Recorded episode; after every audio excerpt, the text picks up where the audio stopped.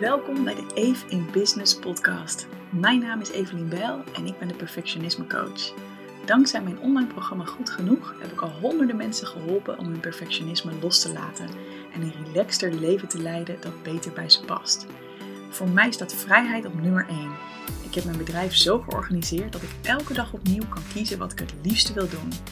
In deze podcast deel ik de behind the scenes van mijn business en geef ik je tips hoe jij ook meer vrijheid, plezier en succes in jouw bedrijf kunt krijgen. Enjoy!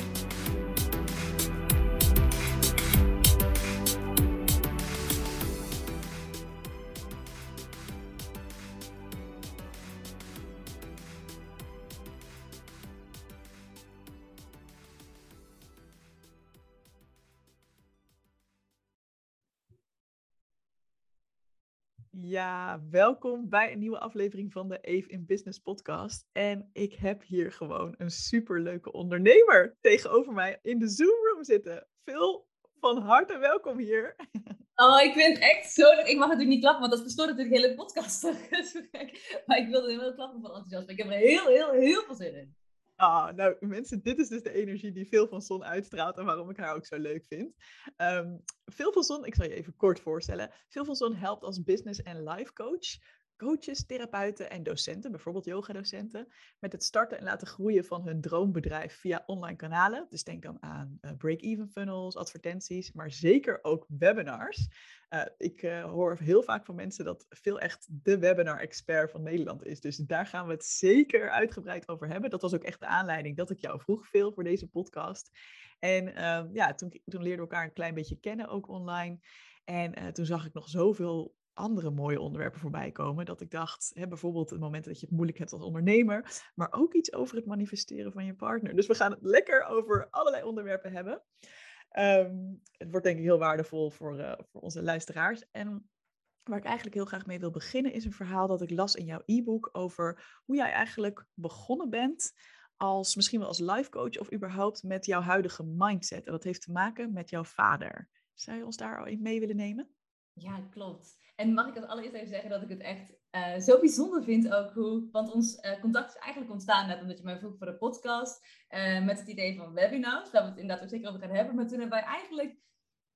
Gewoon allebei kunnen wij niet denk ik een oppervlakkig gesprek voeren. Dus we zijn echt meteen de, die diepte ingegaan. En ook al kennen we elkaar echt pas een paar weken of zo. Net, zagen wij elkaar voor de eerste keer. En ik had meteen het gevoel van, oh, wij, wij kennen elkaar al of zo. Dat vind ik zo bijzonder, dat wilde ik gewoon nog even zeggen.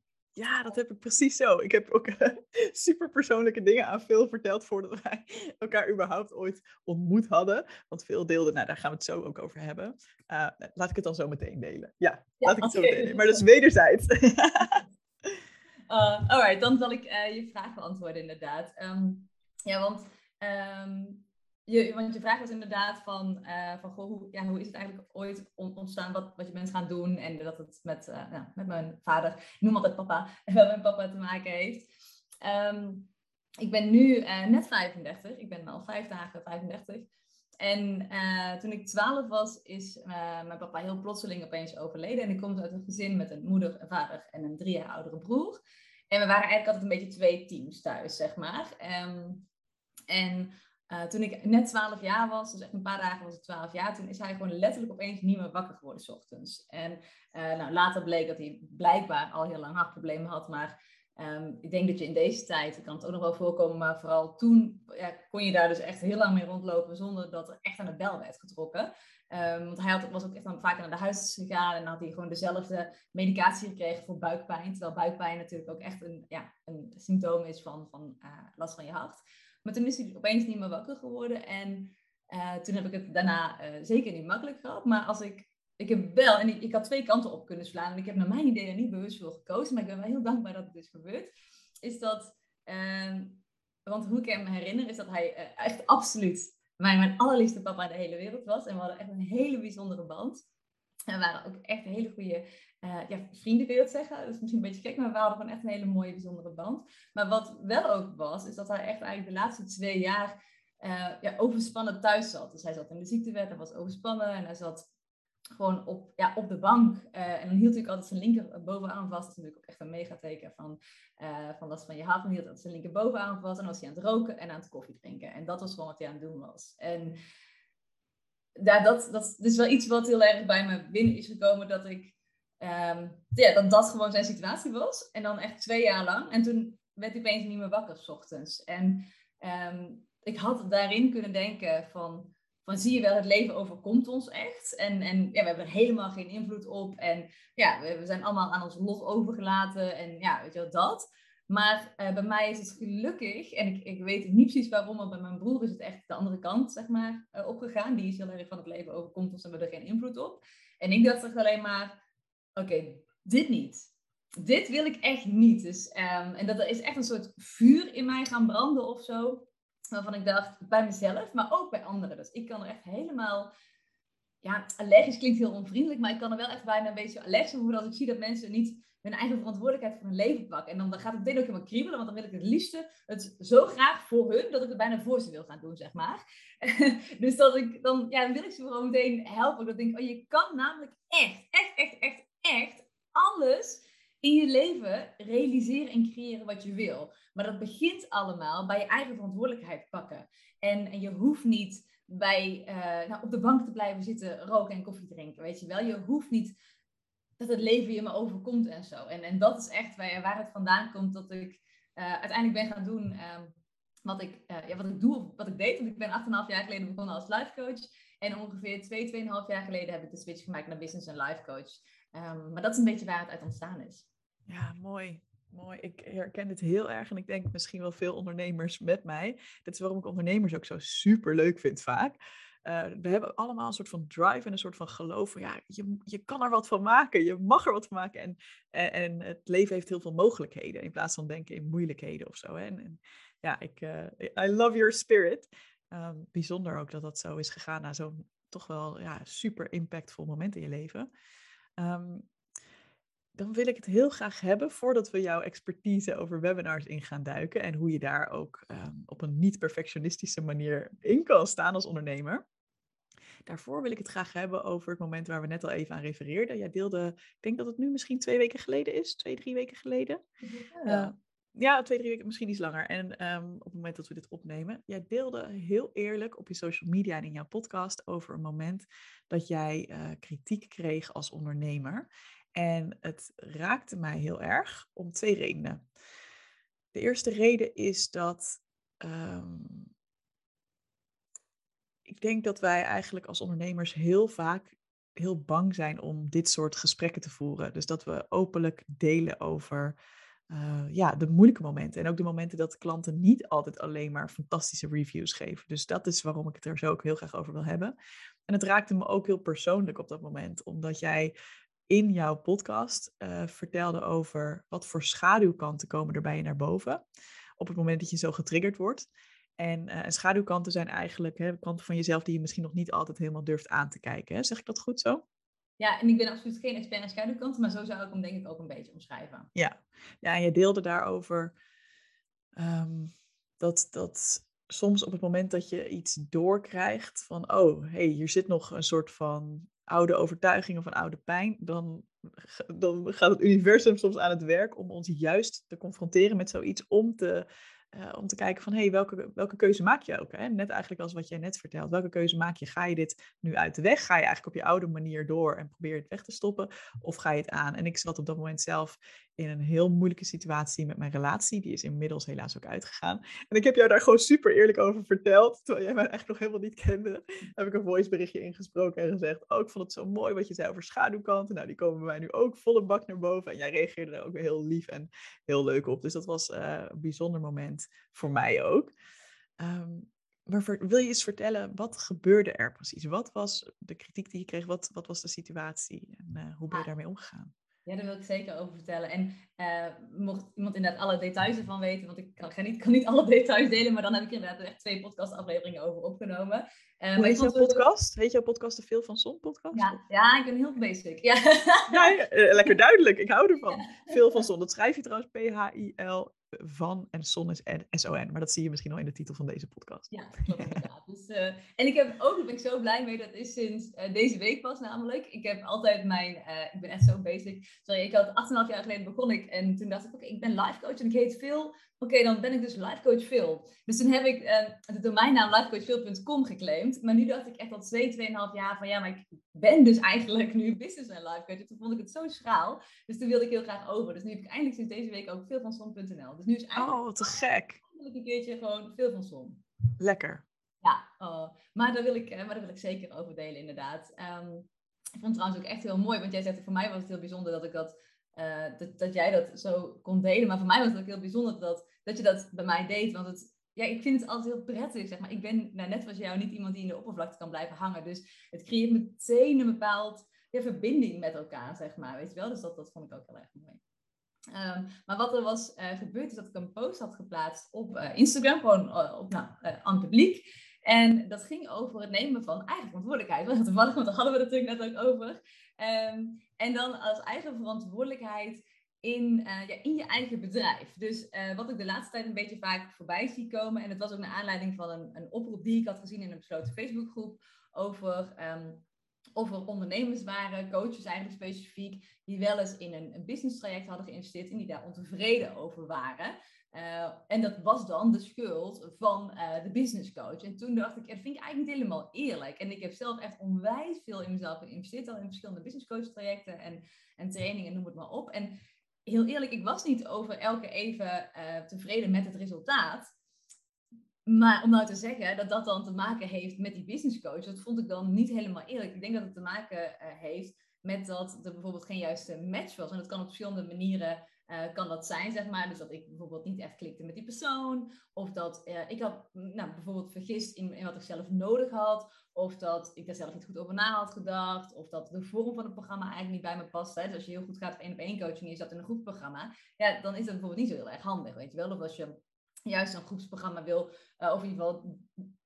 En ja, je, wil graag een groepsprogramma omdat je mensen wil leren kennen. En je staat bijvoorbeeld in een online training waar in, ja, je geen contact hebt met anderen, dan is dat gewoon allemaal niet zo heel erg handig. Maar daar had ik uh, dus een, een post over geschreven. Um, eigenlijk heel erg in de hoop dat dan, dan geef ik drie pijlers mee waar mensen zich uh, kunnen herkennen van hey, hier kan ik voortaan op letten. En toen had dus een van mijn klanten uit mijn business dagprogramma, die had daar echt. En ja, ik moet er altijd een beetje, of altijd, ik moet er nu bijna een beetje om lachen, omdat het zo absurd is. En ik heb het ondertussen ook wel verwerkt, want ik vond het wel echt heel heftig. Ik, ik had ook echt het idee dat mijn hart even stopte toen ik het las, maar die had daar uh, echt iets heel gemeens onder gezet. Ik moet eerlijk zeggen dat ik het niet helemaal precies uit mijn hoofd weet, want ze heeft uiteindelijk drie, het is gewoon niet grappig, maar omdat het zo absurd is, moet ik dan lachen. Ze heeft uiteindelijk met drie verschillende accounts, drie hele boze berichten. Um, op mijn uh, Instagram profiel neergezet. Uh, met, met hoe, uh, wat voor slechte coach ik was. En dat ik alleen maar geld wilde verdienen. En, en dat ik niet, niet leverde. En echt, allemaal echt hele nare dingen. En toen, nou, ik schrok mezelf natuurlijk helemaal de tering in. En, en ik heb meteen een aantal voiceberichtjes gestuurd met wat is er aan de hand? En ja, ik, ik, ik, ik, heb geen idee waar dit vandaan komt. Vooral omdat ze een paar dagen eerder, volgens mij een week eerder om precies te zijn, had ze nog mijn webinar gedeeld op haar social media kanaal. Uh, omdat ze dan uh, twee weken verlenging kon krijgen voor het Business. Dus dat ze en een hele mooie post geschreven met nou, uh, echt allemaal complimenten naar mij toe. plus ze wilde dus die twee weken verlenging. Dus ja, in mijn hoofd was zij dus gewoon heel erg tevreden. Dus ik vond het echt heel erg ingewikkeld. En wat er toen ook gebeurde is dat ze ehm, niet mijn voiceberichtjes wilde afluisteren. omdat ze er helemaal klaar mee was. Maar vervolgens dus wel nog drie keer toe een heel boos bericht aan het publiek op social uh, op media, dus op Instagram heeft gezet. En dat was, ja, ik wat daar echt heel erg van ons te boven. Toen heb ik eigenlijk dat hele proces met wat, wat ik had gezegd en wat zij had gezegd. Ik heb haar naam wel uh, afgeschermd daarin. Maar um, dat, ja, dat heb ik uh, toen heel eerlijk gedeeld in, in een podcastaflevering. Wat er toen gebeurde is dat een andere uh, deelnemer aan mijn business dagprogramma. En ik moet er echt even, mijn ego vindt het wel heel prettig als ik dan nu even benoem dat de rest wel heel erg tevreden is. Maar Want anders gaat mijn ego, die kan het gewoon niet aan. Hoeveel klanten, hoeveel klanten hebben meegedaan aan jouw business start programma? Ja, tientallen en tientallen. Die zijn wel allemaal tevreden. maar uh, maar dus, toen is er dus nog een klant, die, die, heeft die podcast gehoord en die voelde dat als een soort van uitnodiging om ook haar onvrede te uiten. Uh, wel op een andere manier, op een veel respectvollere manier. Dus het was gewoon privé en we zijn ook dat gesprek aangegaan. Toen heb ik ook even bij haar gebeld van, hey, Um, ja, ik, ik, wil hier eigenlijk ook een podcast over opnemen. Ik heb het wel gezet als een, een mededeling. Maar als ze had gezegd, nee, dat wil ik niet, dan had ik het natuurlijk nooit gedaan. Um, en toen heb ik daar ook een podcast over opgenomen. Omdat uh, de eerste echt wel heel erg ging over, oké, hoe ga je er nou mee om? En die tweede ging eigenlijk meer over, um, ja, hoe los je het met iemand op? Als het ware, zeg maar. door wel erg dicht bij jezelf te blijven. En, en ja, staying true to yourself, zeg maar. Dus je denkt, oké, ik ga je nou niet lopen overcompenseren om maar iedereen tevreden te houden. Want ja, ik sta wel voor, voor de, de, de, afspraken die er gemaakt zijn. Maar wel echt het zien van de ander. In ieder geval, dat heb ik in ieder geval heel erg geprobeerd. En uh, dat ja, mailcontact wat we hebben gehad, uh, dat heb ik uh, gedeeld in die tweede podcast. Dus dat is een beetje wat er is gebeurd. Ja, mooi. Ja, en wat ik mooi vind ook aan hoe je erover praat en ook in die podcast, er, er zit echt veel emotie in, dat hoor je. Hè? Dus het is nog het is vrij rauw. Um, maar wat ik heel mooi vind aan jou is dat jij volgens mij heel goed in staat bent, of in ieder geval, zo klonk het, volgens mij ben je dat ook, om te scheiden van, oké, ja, ik heb verantwoordelijkheid in dit proces. Hè? Dus absoluut, ik ben altijd bereid om het gesprek aan te gaan met mijn klanten als ze niet tevreden zouden zijn. Van hey, inderdaad, wat je nu ook zegt, om de ander te horen en te zien, hey, wat is hier aan de hand? En kan ik daar misschien wel wat aan doen of kan ik daar wat van leren? En er is ook een verantwoordelijkheid bij de ander. Dat is precies ook waar natuurlijk die post over ging. Die mensen dus blijkbaar ook zo triggert van op wat voor manier deelt diegene dat ook? Hè? Want als diegene inderdaad tot kort daarvoor nog hartstikke enthousiast in het openbaar deelt, eigenlijk nooit iets van onvrede laat merken aan jou of hè, via jouw team of hoe dat dan ook uh, achter de schermen kan, en dan in één keer op zo'n manier ja, knalt of zo, ja, dan, dat voelt voor mij ook als, oh, dan, dan is er even iets meer bij diegene zelf aan de hand, waar jij ook niet zoveel invloed op hebt of zo, hè? Nee. Is dat, klopt dat dat je nou, die, die scheiding maakt van wat is mijn verantwoordelijkheid hier en waar ligt ook echt verantwoordelijkheid bij die ander? Ja, ja dus die, ik ging sowieso even checken van, oké, voel ik me tot bepaalde dingen aangesproken, ja of nee? Want dat is iets wat je eigenlijk heel snel kan voelen, zeg maar. Um, en en, ja, en het, hier had ik dat niet. Dus hier dacht ik van, ja, nee, ik, ik, zie hem gewoon niet. Um, maar wat, wat, ik kon hem ook niet echt heel erg zien, want er is, heeft niet echt een gesprek plaatsgevonden. Ik heb haar natuurlijk uitgenodigd voor een gesprek waarin ik echt zei van, want ik heb echt volgens mij vijf voiceberichtjes via Instagram gestuurd, waarin ik ook echt zei van, oh, ik begrijp echt niet wat er aan de hand is en ik, en ik hoop dat we gewoon in gesprek kunnen gaan met elkaar. Maar zij weigerde dus echt om die af te luisteren. Dat, zei ze ook gewoon. Ga misschien ooit nog wel eens doen, zei ze, maar ik heb er nu geen zin in. Toen dacht ik, ja, dan weet je wel zo, ja, wat heftig of zo. Ik kan daar gewoon helemaal niks mee. Um, maar dus ik wist ook niet op, op waar het op gebaseerd was. Maar als ik kijk naar wat zij zei en hoe ze zich gedroeg, ja, had ik niet het idee dat het inderdaad met, met mij of mijn programma te maken had. Want ze zei een aantal dingen van ik dacht, ja, ik, de, ja, ik kan hier helemaal niks mee. Uh, dus ik, maar ik check hem wel altijd van wat is mijn verantwoordelijkheid en wat is de verantwoordelijkheid van de ander. Ik uh, zat net te denken dat het misschien wel heel interessant is, want dat weet je nog niet, niet dat je dat best van tevoren moest weten. Maar wat er nog is gebeurd met die podcast, is dat ik uh, nou, sowieso ongelooflijk veel reacties daarop heb gehad. Maar jij benoemde het net al, van dat het een hele rauwe emotie was. Ik heb hem wel echt pas 24 uur later opgenomen, niet op het moment zelf, omdat ik uh, wel die emotie wat wilde laten zakken. Um, maar dat was wel. Dus hij was. De, ik, ik, moet even zeggen dat ik gewoon helemaal 100% uh, achter de inhoud sta. Maar wel, dat zat echt wel een hele rauwe emotie op. En ik heb daar heel veel reacties op gehad. Heel veel uh, fijne en lieve en mooie en positieve reacties. Maar ook een aantal uh, boze reacties. Wat ook heel erg logisch is. Want op het moment dat je um, ja, echt wel uh, een bepaald standpunt inneemt, is niet helemaal het juiste woord. Maar iedereen begrijpt denk ik wel wat ik bedoel. Dan krijg je mensen die je leuk vinden en mensen die je stom vinden. Dus dat is ook echt helemaal oké. Maar op een gegeven moment toen um, begon ik zelf eigenlijk een beetje te twijfelen van hé, hey, uh, niet over de inhoud, maar wel over de rauwe emotie. En toen begon ik een beetje te twijfelen met, um, sta ik daar zelf achter dat ik dat in zo'n heftigheid heb ingesproken? Dan heb ik eigenlijk naar het universum gestuurd. En sorry voor iedereen die dit zweverig vindt. Maar toen heb ik eigenlijk naar het universum gestuurd van... ook oh, zou zo graag willen dat een heel compleet objectief iemand... maar wel van een bepaald uh, niveau, die, die al een tijdje onderneemt bedoel ik daarmee... dat die mij eigenlijk uh, ja, even zo spiegelen of zo, zeg maar. Een beetje gek, uh, maar dat had het universum ingestuurd. En toen kreeg ik eigenlijk zo, boem, opeens een berichtje uh, van, nou precies zo'n ondernemer, uh, onderneemster.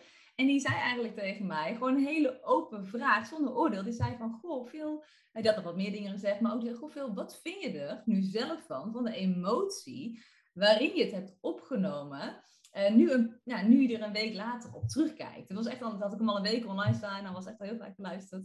Uh, en toen dacht ik, ja, dit is wel datgene waar ik om heb gevraagd. En toen heb ik, en geloof me, ik vond het verschrikkelijk om te doen. Maar toen heb ik dus mijn eigen podcast teruggeluisterd. Ik ga echt nog liever drie uur lang mijn huis schoonmaken. Omdat ik een half uur mijn eigen podcast terugluister.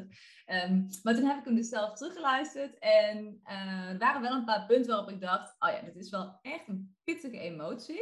Maar nogmaals, de inhoud stond ik helemaal uh, achter. Wat ik toen gedaan heb, is dat ik dacht, ja oké, dan, dan wil ik... Ik dacht namelijk ook heel eventjes... Um, mijn, mijn laatste eigen business coach uh, is Tineke Zwart. En toen dacht ik, wat zou ik ervan vinden als Tineke Zwart in deze emotie die podcast had opgenomen? En toen dacht ik, hmm, dan zou ik haar um, ja, misschien ergens uh, een tikje onprofessioneel vinden. Zeg maar. Dat dat idee erbij had.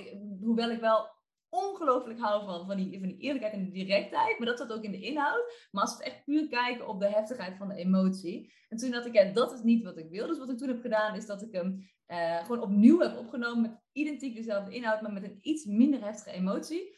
Um, en in de voiceberichtjes die ik naar haar heb gestuurd, die laat ik ook afluisteren in de podcast. Daar uh, benoem ik haar voornaam in. Wat in principe niet echt een heel groot probleem is, omdat zij letterlijk aan publiek met haar eigen account, drie verschillende zelfs, had gereageerd. Maar die heb ik toen ook uh, wel even weggelaten. Zodat, nou, dan kan ik dat meteen nog even meepakken. Uh, dus die heb ik toen opnieuw opgenomen. En uh, toen wilde ik natuurlijk wel, perfectionistisch als ik ben, dat die eerste podcast als eerste was en die tweede podcast als tweede. Dus toen heb ik ze allebei offline gehaald, zodat die eerste weer de eerste kon zijn en de tweede weer de tweede. Ja, mooi. Mooi. Maar ik vind dit eigenlijk juist heel gaaf, want ook hierin laat je dus zien van ja, ik heb vanuit uh, een bepaalde emotie ik heb. Ik heb het opgenomen en ik sta daar inderdaad nog steeds achter. Maar je ook, ik mag dus terugkomen op mijn beslissingen. Ik mag dus, als ik op een later punt voel van, hé, hey, ja, de inhoud sta ik nog achter, maar de emotie, uh, ja, die is nu misschien wat gezakt en ik kan er misschien op een iets andere toon over praten. En dat voelt beter voor mij en voor mijn business. Oké, dan mag dat dus gewoon. In plaats van dat je ook daarin denkt, oh nee, maar dan kom ik erop terug. Of oh, ik heb dit helemaal verkeerd gedaan. Nee, ik vind het heel mooi dat je zelf ook toestemming geeft en ruimte geeft om ook op een later moment weer een andere beslissing te nemen. En uh, ook heel eerlijk, volgens mij, ik, ik, was ook een van de mensen die tegen jou zei, oh, ik hoor wel de voornaam. Is dat iets wat je, hè, volgens mij, uh, dat heb ik toen ook aan jou doorgegeven. Dus het kwam eigenlijk alleen maar mooi uit dan misschien ook, dat je dacht van, ja, oké, dan, uh, dan doe ik het eigenlijk nog even iets netter dan in eerste instantie. Ja, mooi. Dankjewel. Ja, en eh, voor iedereen die denkt, oh, ik wil nog veel meer horen van en hoe, hoe ben je er dan mee omgegaan? Uh, ga lekker die podcast luisteren. Maar ik, ik vond het heel mooi om het ook hier even te benadrukken van ja, hoe, hoe helend het ook voor andere mensen kan zijn. Als wij als ondernemer eerlijk zijn en open zijn over ook de niet mooie kanten. Ja, ik, daar ben ik natuurlijk wel fan van. Ja, en dit is ook een beetje een niet mooi, mooie kant. Aan de andere kant vind ik het ook wel weer wel een mooie kant. Want ik kan ja. echt um, ja, ik weet niet, ik voel dan ook ergens wel. Eh, ik kan kiezen om schaamte te voelen. Dat ik denk, oh, maar die podcast was echt heel vaak beluisterd. En ik stond er toch, toch niet meer helemaal achter. Maar ik voel eigenlijk meer dat ik denk, nee, ik voel me trots dat ik mag terugkomen daarop. Dat ik dat inzicht heb en dat ik uh, kijk, er zijn mensen die, die het verschrikkelijk vinden. Dat is allemaal prima. Weet je wel zo. Vooral geen boze berichtjes sturen. Vooral niet aan het publiek alsjeblieft. Maar er zijn ook mensen die denken, oh je mag eens terugkomen op je beslissing. En dat dan anders aanpakken. En ja, dat is, vind ik echt een stukje echtheid. En, en ja, daar, daar hou ik gewoon heel erg van. Ja, dat is volgens mij een van jouw belangrijkste waarden. Hè? Ja, dat geldt voor mij ook. Ja, mooi. Ik denk dat we elkaar daarom ook leuk vinden. Ja. um, laten we het lekker over webinars gaan hebben. Want het is grappig, want je zei net al van oh, perfectionistisch als ik ben. Maar ik heb het idee dat jij qua webinars best wel goed bent in het loslaten van jouw perfectionisme. Klopt dat? Heb ik dat goed gezien? Ja, ja en uh, ik heb een beetje zeg maar, mijn perfectionisme omgedoopt tot uh, dat het. Dat, want perfect, zeg maar, het woord perfect, daar, is, daar kan je zoveel invulling aan geven. Ehm, dus dat er, weet ik veel, perfect is dan als er geen achtergrondgeluid is. Of is perfect juist als het echtheid is. Als er dus wel inderdaad een ambulance... Ik woon echt praktisch naast het ziekenhuis. Dan rijdt gewoon af een ambulance voorbij, zeg maar, weet je wel. Zo. Um, dus dat, ja, dat er echtheid is. En ik ben één keer, uh, toen zat ik niet uh, hier in deze ruimte waar ik nu zit, maar zat ik in uh, de studeerkamer. En toen uh, dacht ik op een gegeven moment van, oh, het wordt wel echt heel erg warm. En de verwarming stond onder het bureau. Toen zei ik gewoon tijdens een live ja, sorry, ik moet echt heel even onder mijn bureau kruipen om de verwarming even wat lager te zetten. Want ik stoom hier echt bijna de kamer uit. Dus toen ben ik gewoon zo onder het bureau gekropen om even wat lager te zetten. En dan denk ik, ja, voor mij is dat gewoon de nieuwe variant van perfect. Dat het gewoon, dat het echt moet zijn. Oh, I love it. En echt superleuk, want ik, uh, ja, ik, ik dacht altijd dat het was omdat ik de perfectionisme coach was, slash ben, um, dat het voor mij ook altijd, het werkte juist heel goed als bij mij bij webinars dingen niet helemaal perfect gingen. Dus ik heb, het ergste wat ik ooit heb meegemaakt, is dat ik echt midden in mijn webinar zat, duizend mensen waren live en ik zat toen nog in een gehuurd uh, flexkantoor. En um, dat was in de binnenstad van Leiden. En dat had hele mooie grote ramen. En ik zat er op een zaterdagochtend, dus het was druk in de stad. En ik kwam een meneer, die stond daar op de ramen te kloppen van ik wil naar binnen, ik wil naar binnen. En ik maakte zo'n beweging van nee, niet doen, ik ben hier bezig. Alleen ja, blijkbaar was de deur open. En hij kwam gewoon naar binnen, want hij wilde per se een poster ophangen of zo. Dus ik daar met duizend mensen die naar mij aan het kijken waren. Hallo meneer, uh, ik ben een training aan het geven. En ik zou het heel fijn vinden als u nu wegging. Nee, maar ik hoef alleen even een poster. Nee, u moet nu echt weggaan. Ik ben in een training. Nee, maar en hij bleef maar in discussie gaan. En echt, het heeft een paar minuten geduurd voordat hij eindelijk wegging. Oh, wow. Dat ik zei, hoe laat, ik, hoe laat ben je dan klaar? En dat ik op een gegeven moment zei, nou, 12 uur en dan kun je terugkomen. Ik kreeg hem gewoon niet weg. En dat was zo, ik was zo gênant. Maar tegelijkertijd kreeg ik van heel veel mensen te horen, oh, je, je gaf wel duidelijk je grenzen aan. En uh, weet je wel, en, en ook uh, dat ik ook tegen mensen, ik, wat ik dan altijd doe, is ik maak ook het koppelingetje. Dus dat is misschien voor andere coaches die dit horen ook wel heel interessant. Uh, dat doe jij misschien ook wel veel, dat je het gewoon benoemt van oké, ik heb nu twee keuzes. Ik kan nu of mezelf ontzettend op mijn kop gaan geven en gaan zeggen van nou, dit webinar is sowieso mislukt, laat maar zitten. Uh, weet je wel, en, en verlammen in de, in, de, ja, in de angst dat ik het dus niet goed genoeg gedaan heb. Of ik kan denken, ja, ik kon hier ook niet zoveel aan doen, kan gebeuren. En we gaan gewoon maar weer verder, zonder dat ik mezelf heel hard veroordeel. Nou ja, dat is natuurlijk het beste voorbeeld uit de praktijk dat je kan geven van bijvoorbeeld niet perfectionistisch zijn of van lief zijn voor jezelf. Of nou ja, uh, doe jij dat ook? Maak jij dan bijvoorbeeld met zo'n verwarming momentje, maak je dat dan ook even bespreekbaar of hoe doe jij dat? Ja, maar precies zoals jij het zegt inderdaad. En wat een heerlijk voorbeeld trouwens. Ik hou van verhalen. maar en dat je ook echt denkt, waarom ga je nou niet weg? Ga weg! Ja. Ga weg! Met je poster wegwezen. Met je fucking poster. Ik wil je fucking poster hebben. Ik wil gewoon mijn webinar afmaken. Optieven. Oh, heerlijk. En dat je ook meteen denkt, oh, ik heb ook echt zoveel advertentiebudget besteed. En als die man die al drie minuten aan die poster op te hangen, ga eens weg. Ja. Oh, nou ja, dus ik vind ook, ik, ik hou ervan als het er juist allemaal mag zijn. Dus aan de ene kant kunnen we denken, oh, maar dan is het helemaal niet perfect en gelikt. Maar aan de andere kant denk ik, um, ja, als, als voorbeeld hoe erg jij bijvoorbeeld hebt gesmuld, zoals andere mensen, van die, van die podcast van mij, waarin het echte verhaal, weet je wel, met die kritiek, dat is een beetje hetzelfde bij een webinar. Mensen vinden het alleen maar heerlijk smullen van als jij zo in real life eigenlijk, zo je grens aan het aangeven bent met die posterman en, en dat ik opeens onder mijn bureau kruip of zo. Mensen denken alleen maar, oh, ik, ik vind het een voorbeeld voor hoe ontspannen je ook mag ondernemen. Ach, I love that word. Dat vind ik heel mooi. En denk jij, zie jij inderdaad ook veel ondernemers die het heel spannend vinden om bijvoorbeeld webinars te geven? Ja, ja, en sowieso. En het is ook, ik vind het ook gewoon spannend. Uh, ik heb er nu ondertussen al meer dan 200, misschien wel 250 live gegeven. Maar de eerste drie heb ik oprecht. Ik had een heel plan gemaakt voor als het ging gebeuren. Met, uh, ik zie jou al zo knikken van I know this. Maar de eerste drie heb ik met een kookpan naast me gegeven. Omdat ik zo kapot zenuwachtig was. Dat ik dacht dat ik misschien ging overgeven. En ik had ook echt een plan bedacht. Dat ik dacht van oké, dan ben ik in het begin ben ik even met de webcam in beeld. Daarna doe ik hem uit. En dan is alleen nog een PowerPoint in beeld. En als ik dan moet overgeven. Dan druk ik snel op de mute-knop van mijn microfoon. En dan overgeef ik gewoon. Ik had er nog een zakdoekje naast gelegd en een flesje water. uh, uiteindelijk was, uh, is het gelukkig niet gebeurd en is het helemaal goed gegaan. Um, maar ik had wel een heel plan bedacht, zeg maar. Um, maar het was ook heel spannend. Maar ik wist ook, en dat vind ik wel een hele belangrijke. Ik wist dat ik weet, ik ga webinars heel erg leuk vinden als ik door die spanning heen ga. En ik weet hmm. ook, ja, wat het voor mijn bedrijf gaat betekenen. Omdat ik dus weet, als je webinars goed inzet, wat het voor je bedrijf kan betekenen. En toen dacht ik, ja, dan is het dus gewoon de moeite om het samen met de spanning te doen. En niet eerst eh, te, te wachten tot de spanning weg is, of dat ik meer zelfvertrouwen heb, of wat dan ook. Maar dat ik het gewoon samen met die angst mag doen. Mm, ik vind dit zo mooi wat je zegt. Uh, want ik denk dat dat voor alles in het leven geldt. Als we wachten tot we genoeg zelfvertrouwen hebben. Ja, dat zelfvertrouwen komt alleen maar doordat we dingen gaan doen die we spannend vinden. Hè? Ja. Dus ja, dit uh, was een super mooi voorbeeld. En, oh, en ik heb ook dat ik een beetje de, de oude veel een knuffeltje wil geven. Dat ik denk, jeetje, dat je het inderdaad zo, zo'n spanning voelt. Dat je zelfs denkt van, oh, ik moet misschien wel overgeven. En wat een respect voor jou dat je dat dan toch gedaan hebt. Want ik denk, als ik dat level van spanning zou hebben, dat ik inderdaad zou denken, nou, la, laat dan maar zitten. Dan ga ik wel een andere weg kiezen. Dus wat, een, wat is dat denk je jou? Dat dat toch denkt van, ja, maar ik... ik was dat iets specifieks aan webinars, waardoor je dacht, ik wil hier toch voor gaan? Ja, en ik wist niet van tevoren dat ik het zo spannend zou vinden. Dus op het moment zelf dacht ik opeens, oh, dat ik dacht, dit vind ik wel echt heel erg spannend. Dus ik denk dat het een, een uur, een half uur van tevoren, dat ik echt dacht, wop. En, en dat, oké, ja, nu heb ik al heel veel mensen die erop aan het wachten zijn. Dus nu moet ik wel doorgaan. Uh, wat ook eigenlijk heel erg prettig is, want daardoor ben ik er wel doorheen gegaan.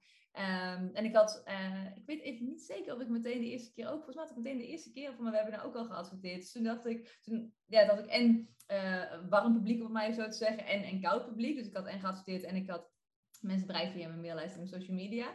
Maar ik had best wel wat mensen, als er bijvoorbeeld maar twee mensen waren geweest, dan zou je nog aan jezelf kunnen verkopen. Zo van, eh, nee, dan uh, laat ik hem gewoon uh, niet doorgaan of zo. Maar nu dacht ik alleen maar, oké, okay, moet gewoon doorgaan. En ben ik echt heel erg blij op, want daardoor ben ik er wel doorheen gegaan. Uh, ja, en ik ben gewoon ongelooflijk gevoelig iemand. Dus, dus ja, dat is denk ik gewoon de reden dat het dan bij mij zo omhoog komt. Maar uiteindelijk heb ik niet overgegeven. Dus zo gevoelig dan ook weer niet gelukkig. Ja, precies. nou ja, en, en alleen maar meer respect. Weet je, dat je dan met die gevoeligheid, dat je dat dan goed... Ik ben trouwens ook extreem gevoelig. Ik denk veel mensen die deze podcast luisteren ook. Dus daar herken ik je helemaal in. Um, ja, knap, knap gewoon. Um, Alright, dus veel ondernemers vinden het ook spannend. Hè? Dus misschien zitten er nu ook wel mensen te luisteren die denken: Oh ja, webinars. Of hey, of ik heb het nog nooit aangedurfd, of uh, ik heb het wel eens gedaan, maar ik vond het inderdaad zo spannend en ik uh, durf het eigenlijk niet nog een keer. Wat, um, wat helpt nou als je die spanning voelt om jezelf er toch doorheen te helpen? Ja, ja hele mooie vraag. En een van de dingen waar ik ook aan moet denken is, um, en het is niet een 100% antwoord op deze vraag, maar wel in ieder geval 80%, is dat je je webinar, je webinar moet wel voldoen aan, niet een beetje hard, maar die moet wel voldoen aan bepaalde uh, um, richtlijnen. Uh, wil het echt een succesvol webinar zijn? En daarmee bedoel ik dat je niet alleen maar waarde biedt, maar dat je ook werkelijk de verkoop uithaalt. Maar wat je ook absoluut bij een webinar mag doen en eigenlijk moet doen, is dat je inricht zoals het voor jou werkt. En een van mijn oude klanten, uh, mijn business dagprogramma, uh, zij had heel de webinar, was aan het maken en toen vroeg ze aan mij van ja, ik, ik, zit er heel erg mee, want ik heb astma en ik ben bang dat als ik een uur moet praten, dat ik dan terechtkom in een hoestbui. En toen zei ik, alles wat er is, laat dat er ook gewoon zijn. Dus wat ik dan zou doen is één, uh, dat je dus van tevoren dat benoemt. Want wat heel vaak is, en ik denk dat meerdere mensen dit al voorbij hebben horen komen, dat uh, mensen gaan ook aan op persoonlijkheid. Dus die connecten met je omdat je of een Brabander bent, of omdat je een hond hebt, of omdat um, je, uh, je op zwemmen hebt gezeten, of omdat je van reizen houdt, of wat dan ook, zeg maar. Dus als je van tevoren gewoon heel eerlijk zegt, hey luister, dit hebben we nou dus ongeveer uh, een uur. En uh, nou, ik wil eventjes meedelen dat ik uh, astma heb en uh, dat het kan zijn dat ik eventueel af en toe heel eventjes, nou, twee, drie keer even goed inadem. Dus dan weet je dat er even een stilte is. Nou, weet je, doe even lekker met me mee op dat moment of zo. Maar dat je het er helemaal laat zijn. En daardoor voelen mensen met astma of, of mensen met überhaupt een, um, nou, een, ziekte, om het zo te noemen. Het is natuurlijk ook een ziekte. Um, maar die voelen zich aangesproken en denken, oh jij, weet je wel, je doet het wel gewoon, zeg maar. Je bent daar meteen een voorbeeld mee, een inspirator. Um, en mensen kunnen dus ook meteen extra met je connecten. En daarnaast, vraag even aan jezelf altijd, wat heb ik nodig? Dus ik voel dat in dit geval aan haar, omdat mijn klant was. Um, en toen uh, kwamen we eigenlijk allebei tot de conclusie dat een uur inderdaad dan best wel lang is. Dus toen zei ik, dan kun je dan na een half uur bijvoorbeeld ze een opdracht geven, zodat ze zelf even drie minuten aan de slag moeten gaan kun jij drie minuten gewoon even lekker ademhalen, even bijkomen, even een slokje thee nemen. Um, benoem ook even van, hey, dit is een hele waardevolle opdracht, maar ik geef hem ook, zodat ik zelf eventjes kan bijkomen. Dus laat alles wat er is, laat dat er mm. ook gewoon zijn. Want op het moment dat dingen er niet mogen zijn, waarom mag dat überhaupt niet? Waarom zou dat er überhaupt niet mogen zijn? Weet je, wie heeft dat überhaupt bedacht dat dit er dan niet zou mogen zijn?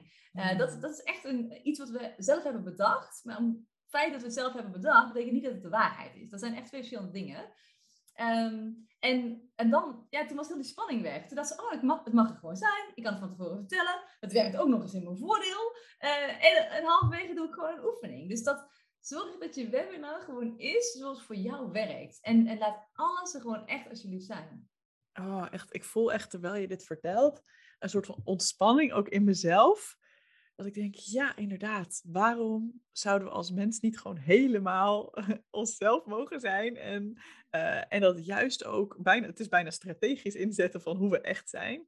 Uh, om het maar te laten zien. En uh, ja, en, en ik merk het inderdaad ook. Dat uh, ik heb ook um, een paar ondernemersklanten die ik coach. En met eentje heb ik het hier ook vaker over gehad. Van ja, weet je, hoe meer jij echt helemaal jezelf bent en dat in een webinar ook juist laat zien, hoe meer mensen waarschijnlijk denken, oh wat fijn, ik herken dit of ik heb dit ook. Of uh, ja, weet je, het, is, het, doet echt iets in de, in de connectie ook. Als jij niet daar zit met een masker op en uh, probeert een soort van ja, aan een bepaald beeld te voldoen wat je eigenlijk net niet helemaal bent. Mensen voelen dan toch van, hé, hey, dat klopt niet helemaal of zo, hè?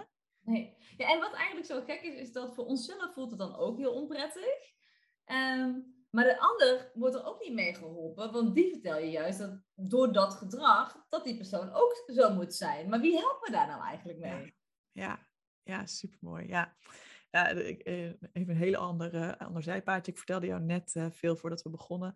Um, uh, dat, ik zit nu dus midden in het verwerken van mijn break-up. Dat is nu twee weken geleden uitgegaan, mijn relatie. En uh, ik vertelde jou ook dat ik overal aan het janken ben in het openbaar. En dat ik dat soort van vroeger echt vreselijk zou hebben gevonden. Hè? Van, oh, wat gênant en ik moet dat wegstoppen. En ik zie dat ook de hele tijd als ik... Uh, ik kijk al heel veel reality tv en dan zie je allemaal van die sterke vrouwen. En dan zeggen ze tegen elkaar, niet huilen om een man, niet huilen om een man. Dan denk ik, hoezo niet? Volgens mij is het juist zo goed. En ik, ik, doe het nu dus bijna bewust. Nou, ik ga niet bewust zitten janken, maar het is meer als het komt.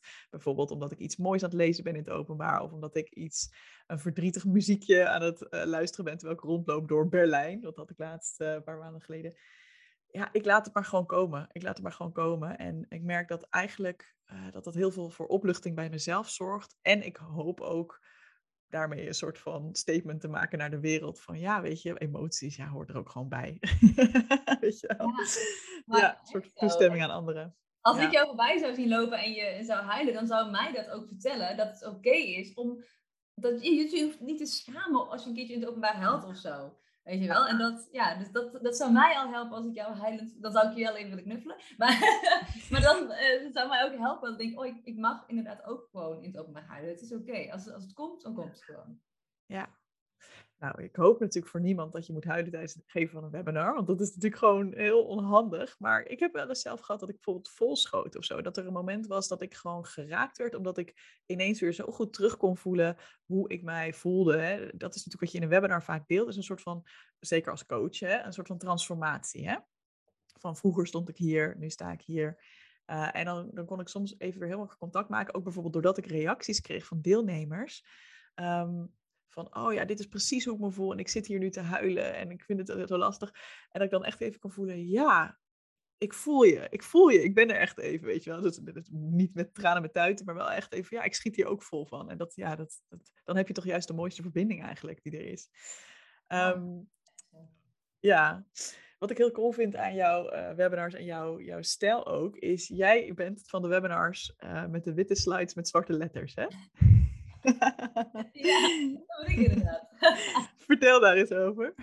Oh, ja, ik uh, ben op een gegeven moment gewoon, dacht ik van, nou, ik, ik ga webinars geven. Nou, dat, is, dat is nu al een ruime tijd geleden, dat is al vier jaar geleden overigens. Um, en toen ging ik gewoon in PowerPoint, want ik ben echt helemaal niet technisch nou. Dus het ging gewoon in PowerPoint, nou die zijn standaard wit, toen ging ik daar gewoon zwarte letters op zetten. En, en dan kon ik nog net zeg maar een afbeelding toevoegen. Dus had ik een paar foto's uh, van mezelf en van mijn hond en van mijn partner. En dat was het. Um, en toen, ik heb daar eigenlijk nooit bij stilgestaan. Want ik, ik dacht alleen maar, nou, ik wil een webinar maken. Dit is hoe je dat doet. Ik heb daar echt nooit bij stilgestaan dat er dan, um, ja, dat, dat er dan niet mooi was. Zo. Op een gegeven moment dacht ik wel, ik, van, oeh, um, ik, ik, kan trouwens wel. Sommige mensen kunnen dan uh, zo hun, hoe zeg je dat ook weer, een huisstijl erin verwerken. Toen dacht ik al, ik had toen namelijk nog geen huisstijl. nu heb ik wel een huisstijl. Uh, toen dacht ik, heb niet eens een huisstijl. Dus wat, wat ga ik er dan voor kleuren in verwerken en zo en doen. Ja, en ik ben daar gewoon helemaal niet handig in. Dus toen heb ik hem gewoon gemaakt. En op een gegeven moment, toen um, zag ik ook wel van andere ondernemers webinars voorbij komen die echt super man, nou, kunstwerken waren. En toen dacht ik, oh, dit, dit, dit kan ik helemaal niet creëren. Nou moet ik zeggen dat tegenwoordig zou ik best in Canva inderdaad een super prachtig kunstwerk uh, kunnen maken. Maar wat het is, is dat het dus echt absoluut niet nodig is. Dus ik heb letterlijk witte slides, zwarte letters af en toe zit er een foto tussen. Um, en toen op een gegeven moment vroeg iemand, ik heb wel vaker die vraag gehad, maar ik weet dat ik hem de eerste keer kreeg, die zei... Um, toen had ik echt een, masterclass gegeven over webinars in het programma uh, van iemand anders aan haar klanten. En toen was ik echt al klaar. Zeg maar, dus een uur had ik dat gedaan. En opeens zei ze, sorry, mag ik misschien nog één vraag stellen? En, en ik zei, oh ja, ik was benieuwd. En toen zei ze, is het, ik zit hier nou naar te kijken, is het echt zo makkelijk? Die, het is wit en zwart letters. en ik moest keihard lachen. Ik had daar een nul seconden bij stilgestaan en dacht, oh ja, het, is, het hoeft allemaal niet zo super speciaal. We, we maken het zo moeilijk in ons hoofd. En uh, ja, ik hou ervan als het gewoon simpel is. En um, wat ik ook wel heel erg belangrijk vind, is dat we kunnen, we kunnen gewoon een makkelijke weg kiezen of we kunnen een moeilijke weg kiezen. En ik ben gewoon uh, niet echt een designer queen. Ik ben uh, echt niet technisch. Dus voor mij wil een moeilijke weg zijn dat ik dan denk, nee, maar hij moet er wel per se heel mooi uitzien. Anders mag ik nooit een webinar geven. Maar als ik dat had bedacht, als ik dat mezelf had opgelegd, dan had ik nu denk ik oprecht nog nooit een webinar gegeven. En ik heb er nu dus al, nou, ik denk dat mijn bedrijf al vier jaar, 80% van mijn omzet komt gewoon binnen via webinars. Dus dan had ik dat nooit kunnen, uh, kunnen realiseren. Ik dacht gewoon, oké, ik ga een webinar geven, witte slides, zwarte letters en af en toe een afbeelding. En uiteindelijk dacht ik ook, um, ik maak het een beetje, ik maak die, die zwakte, dat is geen zwakte met tussen aanhalingstekens dus, dat ziet niemand, maar dat doet wel. maar dat, dat ik dus geen designer queen ben en niet technisch, dat maak ik gewoon mijn kracht. Ik, ik, ik ga nu gewoon helemaal staan voor, simpel, voor echtheid en ook voor Jip en Janneke taal. Dus ik leg alles helemaal uit in Jip en Janneke taal. Ik ga er ook niet van uit dat mensen uh, weten wat ik bedoel als ik sommige dingen zeg. Dus als ik bijvoorbeeld in mijn webinar praat over sales funnels, dan zeg ik ook meteen, dan zeg ik niet sales funnel, dan ga ik vervolgens verder. Dan zeg ik, uh, ja, en dat kan je bijvoorbeeld doen door middel van een sales funnel. Een sales funnel is de x aantal mailtjes, bijvoorbeeld 9, die mensen ontvangen nadat ze een e-book hebben ontvangen. Dus ik leg het meteen heel even uit, zodat zelfs mijn 74-jarige moeder het gewoon zou begrijpen, weet je wel. Uh, dus ik heb meteen van dat, dat stukje waarvan ik zou kunnen denken dat het een soort zwakte zou zijn, heb ik eigenlijk van mijn kracht gemaakt. En dat kan je doen bij alles, weet je wel. Ik vind het heel tof. En dit is precies waarom ik jou ook zo inspirerend vind hierin. Uh, en waarom ik ook dacht, oh, ik moet jou echt in de podcast hebben. Want ik denk dat heel veel ondernemers net allerlei ideeën hebben over hoe zij zouden moeten zijn voordat ze een webinar kunnen geven. Uh, of misschien voordat ze überhaupt durven ondernemen. Ja, als je dit nu hoort, dit gaat over jou. Um, maar ook over inderdaad, hoe zou dan een webinar moeten zijn? Of hoe moet ik dan vervolgens verder in mijn salesproces? Uh, hoe, moet, hoe moet dat eruit zien? En jij geeft mensen eigenlijk volledig toestemming om het helemaal zo te doen als het voor hen werkt. En dat mag super simpel.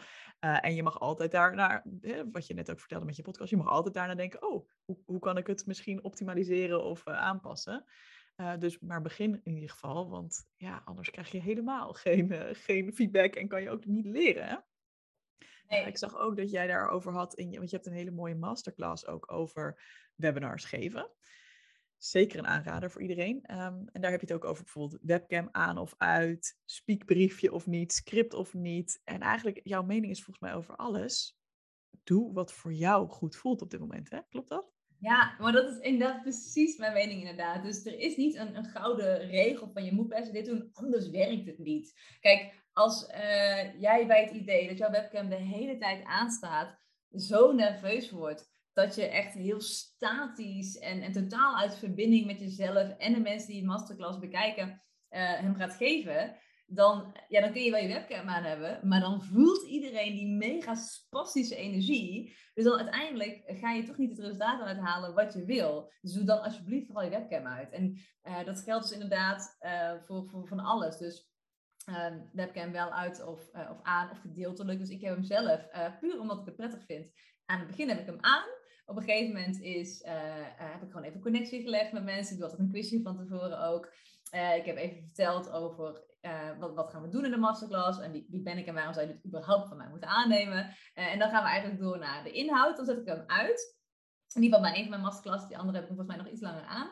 Ehm, en dan heb ik hem uit en dan op het einde, ehm, dan doe ik hem weer aan. En dat vind ik gewoon prettig werken. Um, en doordat ik het prettig vind werken, blijft mijn energie goed. En energie is datgene wat mensen, ook al zie jij ze niet of hoor jij ze niet, die voelen wel echt absoluut je energie. en dat, ja, dat is wel echt een hele belangrijke. Ik heb zelfs een keertje gehad, iemand op het einde, die, uh, die twijfelde of ze in mijn programma wilde stappen. En die zei, ja, ik denk dat ik uh, echt meer gebaat ben bij real-life coaching. Dus dat je echt uh, fysiek zeg maar, met, met iemand in dezelfde ruimte zit. En toen zei ik, oh, en ik ben gewoon benieuwd, waarom denk je dat? Dus ja, dan kan ik wel beter iemands energie voelen. Ik zei, oh, en ik begrijp helemaal dat je dat zegt, maar nu ben ik wel even benieuwd. Heb je mijn energie gevoeld tijdens dit webinar? En opeens zei ze ja. Ze zei ja, nou ja, nu je dit zo me vraagt.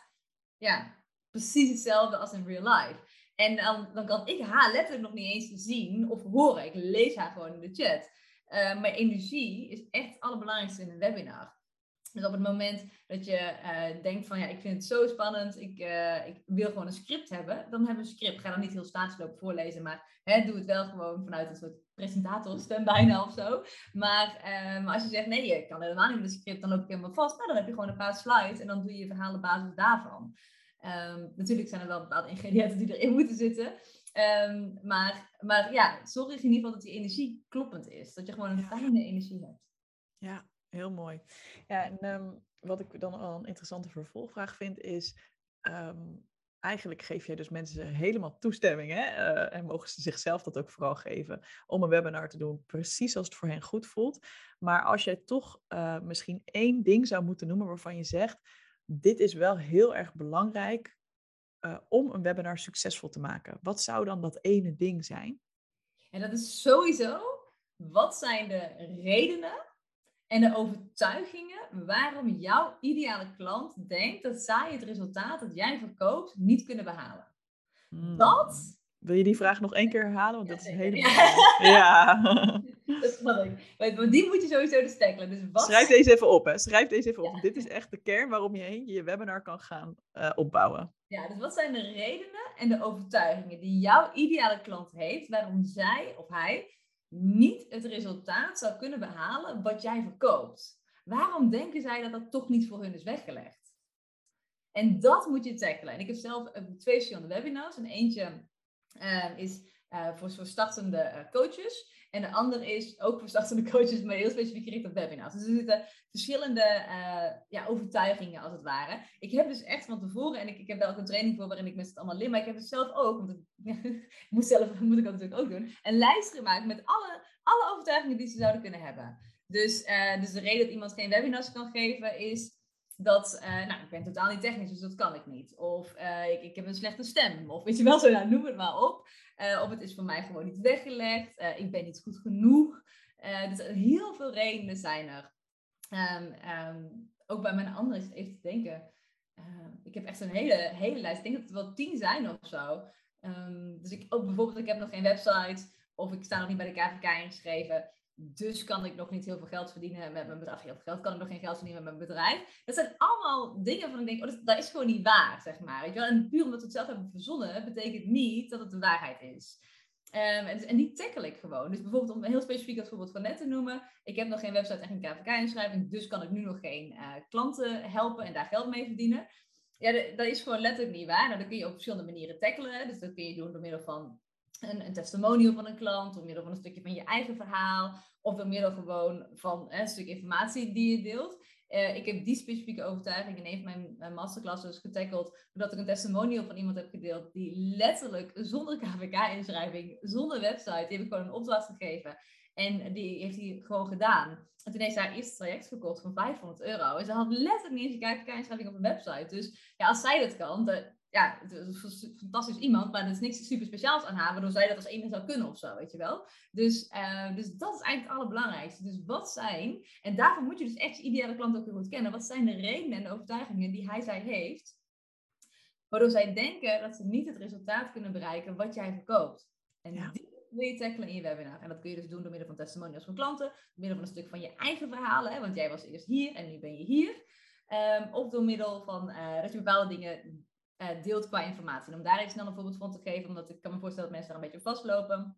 Een van de overtuigingen die mijn ideale klant in, in die betreffende masterclass heeft, is dat ze, dat startende coaches zijn en dat ze geen geld zouden kunnen verdienen met hun bedrijf.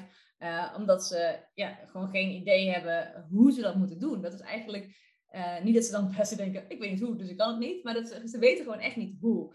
En ik deel uh, in mijn masterclass mijn eigen drie favoriete online marketingmanieren. En dat is challenges, webinars uiteraard en een e-book met een break-even sales funnel. En uh, dan vertel ik daar gewoon over. Ik denk dat het ongeveer 10 minuten duurt of zo. Maar dan ik ze dus die drie mogelijkheden. Van hey, dit, hè, dit ja, werkt voor mij heel erg goed. En dit zou ook voor jou kunnen werken. Dus ik, dan, als ze dan denken, oh dat is niks voor mij, dan is het natuurlijk helemaal prima. Maar als ze denken, oh wauw, nou, dan weet ik nu hoe het moet. Dan kan ik dit dus gewoon gaan doen. Dan heb je hem dus alweer getackled. En dan kun je weer door. Dus dat is echt het allerbelangrijkste in je webinar.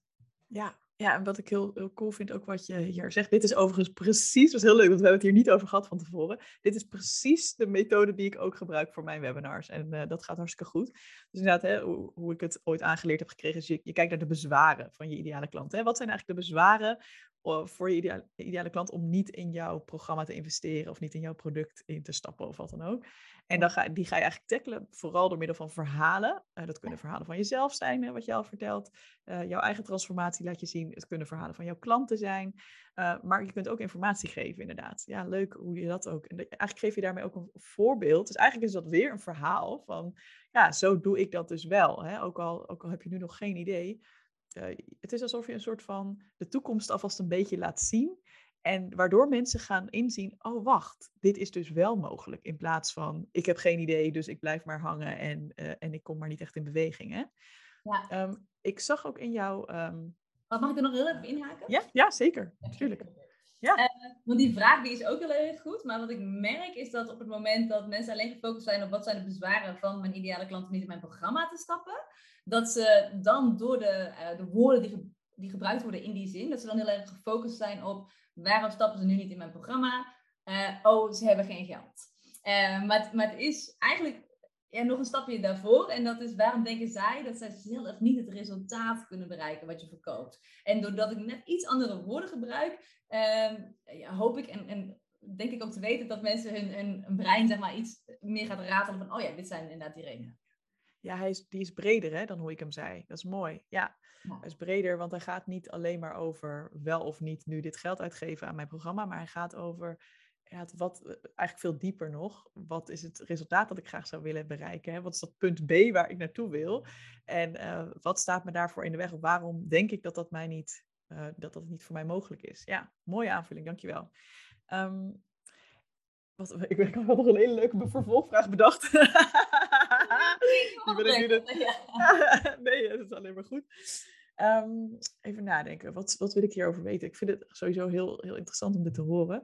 Ja, wat, wat denk ik heel, heel goed is hieraan. Kijk, ik hoor jou dus niet zeggen veel dat je uh, heel veel informatie moet gaan delen. Of, hè, want wat denk ik, eh, ik ben benieuwd of jij dat herkent, maar wat een heel veelgemaakte fout is, ook van mensen die niks van webinars weten en dat voor het eerst gaan geven, is dat ze denken, ja, ik moet gewoon een inhoudelijk supersterk verhaal hebben. Hè? En dat ze dan heel veel al tips en informatie gaan geven.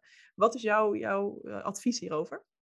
Ja, dat is een hele goede vraag inderdaad. En dat is uh, ook in webinars is dat een hele veelgemaakte fout. Maar het is ook in, in salesgesprekken eigenlijk een veelgemaakte fout. Is dat je dus heel erg gaat lopen coachen. Uh, in plaats van dat je iemand begeleidt bij het maken van een bepaalde keuze. En dat vind ik twee verschillende dingen, zeg maar. Dus, um, dus en wat het is in een webinar is uh, iedereen die webinars geeft, die, die heeft al zo ongelooflijk veel kennis in zich. Puur doordat we een uur lang praten, deel je automatisch informatie. Weet je wel, je kan niet geen informatie delen in een uur dat je aan het praten bent. Uh, maar het is dus niet zo dat je een uur lang je klant al gaat coachen, coachen. Om maar even dubbel dat woord te gebruiken om aan te duiden wat ik daarmee bedoel. Um, maar dat je dus eigenlijk uh, het gaat hebben over de, de, de wat en niet zozeer de, de hoe. Dus, uh, dus als, uh, om even op hetzelfde voorbeeldje van een paar minuten geleden terug te pakken. Als mensen, als mijn ideale klant denkt, ja, ik, wil dat wel. Ik wil wel kunnen leven van mijn eigen bedrijf. Maar ja, ik heb gewoon geen idee hoe ik aan klanten moet komen. Dan weet ik dus ja, wat ze kunnen doen. Dus bijvoorbeeld, hè, je kan een e-book maken met een sales funnel, of je kan webinars geven, of je kan een challenge organiseren. Dus ik help ze onder andere met het online marketing gedeelte. Ehm, maar ja, er zit natuurlijk een enorme, dat is natuurlijk, dat, dat is echt wat. En hoe je dat precies moet doen, dus, dus hoe schrijf je dan een, e-book en wat moet daar dan precies in staan en wat staat er dan in die sales funnel en hoe bouw ik dan die mailtjes en welke techniek gebruik ik daarvoor. En dan kan ik, al zou ik dat willen, kan ik dat nooit in een masterclass van een uur, anderhalf uur delen. Maar ik kan wel alvast wat met ze delen. Waardoor ze denken, oh, dit past wel bij mij of dit past niet bij mij, dat is helemaal geen goed of fout. Um, en dit kan ik zelf of hier wil ik hulp voor inschakelen. Maar dat is dat je heel erg ze ja, te laten zien wat hun mogelijkheden zijn. En ook tackelt waarom zij dat niet zouden kunnen bereiken. Ja, ja, heel mooi. En tegelijk, wat ik ook heel tof vond, dat ja, oké, ik ben nu eigenlijk bijna je hele masterclass, dat is niet waar. Er zit nog veel meer waarde in je masterclass, maar ik was er gewoon, ik haalde er veel mooie dingen uit. Uh, je gaf ook het voorbeeld, en dat vind ik zo tof aan jou.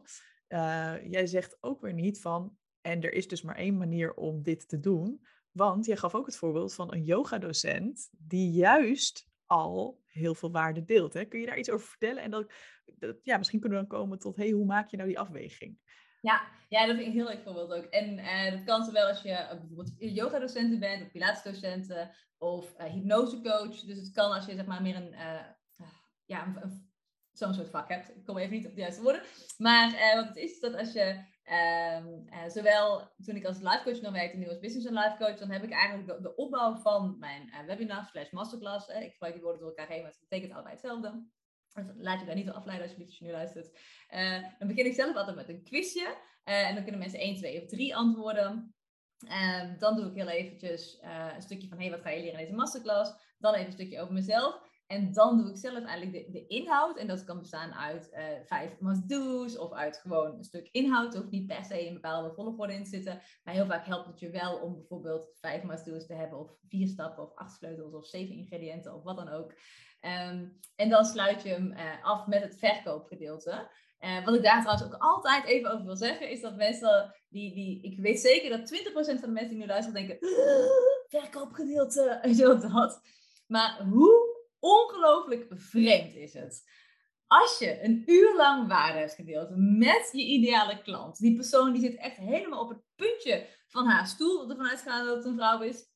En, en je denkt, oké, dit vond ik super fijn, maar ja, nu wil ik doorpakken. En dat jij dan niet je hulp aanbiedt, dan ben je toch gewoon een slechte coach. Dat kan je toch gewoon niet maken. Dat vind ik echt super vreemd. Dus dus verkopen is ook echt helpen. Ik, ik maak ook altijd een bruggetje. Zeg ik, nou ja, het zou echt vreemd zijn als ik jullie nu allemaal in lots overlaat. Dus natuurlijk kan ik je vertellen hoe ik je eventueel verder kan helpen. En dan begin ik ook het verkoopgedeelte. Um, maar dus dat is dat je echt een, een, informatieve inhoud hebt, om het maar even zo te zeggen. Uh, of te noemen. Maar uh, een van mijn oude klanten, Anne Roos, zij geeft letterlijk, zij heeft dus dat beginstukje, dan heeft ze een quizje, uh, vertellen wat, wat ze gaan doen in de masterclass, dan heeft ze een stukje over zichzelf. En dan geeft ze een half uur lang, geeft zij een yoga- en pilatesles, om mensen te helpen met hun rugpijn. Ze checkt ook even van tevoren, want dat is ook heel erg slim. Hey, als je nu even een cijfer moet geven van 1 tot met 10, hoeveel last heb je van je rug? Oh, het is een 8. Dan gaan ze een half uur lang oefeningen doen. Doet ze gewoon, hè, dan zet ze gewoon een webcam, stelt ze een beetje anders af. Dan gaat ze op een matje en dan gaat ze dat gewoon doen. En dan vraagt ze meteen daarna, en wat voor cijfer zou je nu geven? En ja, als je een half uur lang overheerlijke pilates en yoga oefeningen doet voor je rug, dan is gewoon die pijn wat minder. Dus als het dan van een 8 naar een 6 is, ja, hoe makkelijk is het dan om te zeggen, oké, ja, ja, als dit je al geholpen heeft, moet je toch voorstellen wat we samen in een paar maanden kunnen doen. Um, en hetzelfde geldt bijvoorbeeld bij een hypnose. Dus je kan hmm. ook zeggen, oké, ik, doe het, ik doe de inleiding, dan doe ik een half uur een hypnose. Ook dan kun je checken hoe voelde je eerst, hoe voel je je nu. En dan kun je het verkoopgedeelte ingaan. Um, dus het mag ook zo'n vorm hebben. Ik vind dat dus heel mooi, omdat ik ook wel voel van ja, als mensen al waarde voelen van wat je geeft, um, dan is natuurlijk de stap om vervolgens ja te zeggen uh, een stuk kleiner. Hè?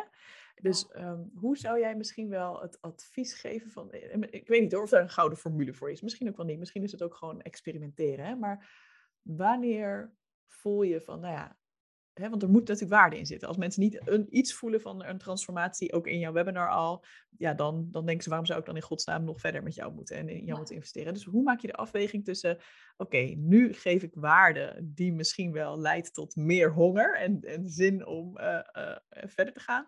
En wanneer ga ik te ver en geef ik zoveel dat mensen denken, oh, ik ben al verzadigd, hè, als we het even in, in voedseltermen houden. Uh, Ik heb geen honger meer en ik kook dus niet. Hoe, Heb je daar iets van een tip Ik denk sowieso niet dat je te veel waarde kan geven. Maar wat het hmm. is, is dat een webinar, mijn webinar duurt altijd ongeveer anderhalf uur. Um, hoe lang duurt jouw webinar eigenlijk? Ik ben benieuwd. Fucking lang, echt twee uur. Oh, echt? Oh, ik dacht dat mijn al lang was. Dat gelukkig. Oké.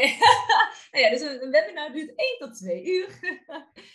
en uh, er, er zijn gewoon bepaalde ingrediënten die daar sowieso in zitten. Dus net, net had ik het al over, hè, dat je even uh, verbinding legt. Je hebt even een quizje bijvoorbeeld. Uh, je vertelt even wat je gaat leren in de masterclass. Je vertelt een stukje over jezelf. En je hebt natuurlijk ook het verkoopgedeelte. Dus laten we zeggen dat dat bij elkaar echt al best 30 minuten kan duren.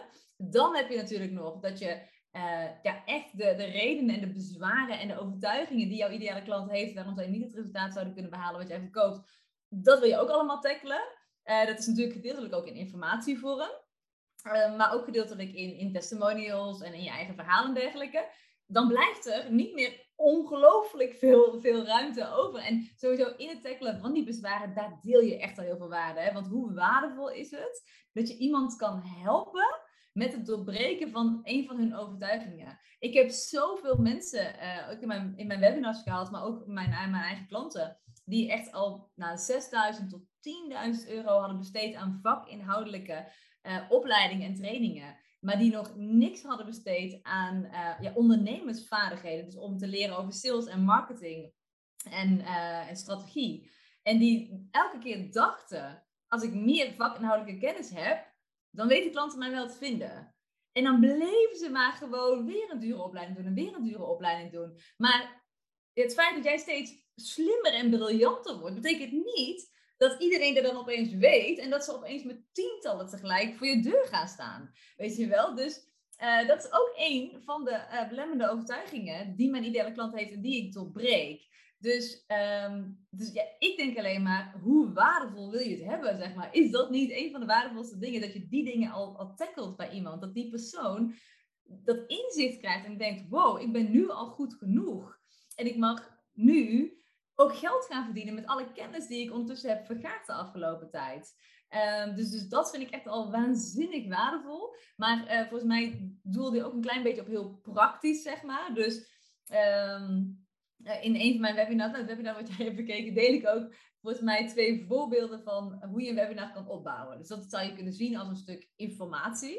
Ehm, het, het, is ook een stuk informatie, want ja, ik help mensen meteen als ze geen enkel idee hebben, dan deel ik meteen, oké, dit was, ik heb twee uh, webinars gehad als life coach en daar had ik een bepaalde stappen in en die deel ik gewoon precies, zodat mensen kunnen denken, oh, oh, maar zoiets kan ik wel delen. Want heel veel mensen denken ook, ja, maar ik heb niets te vertellen, dus wat kan ik dan delen?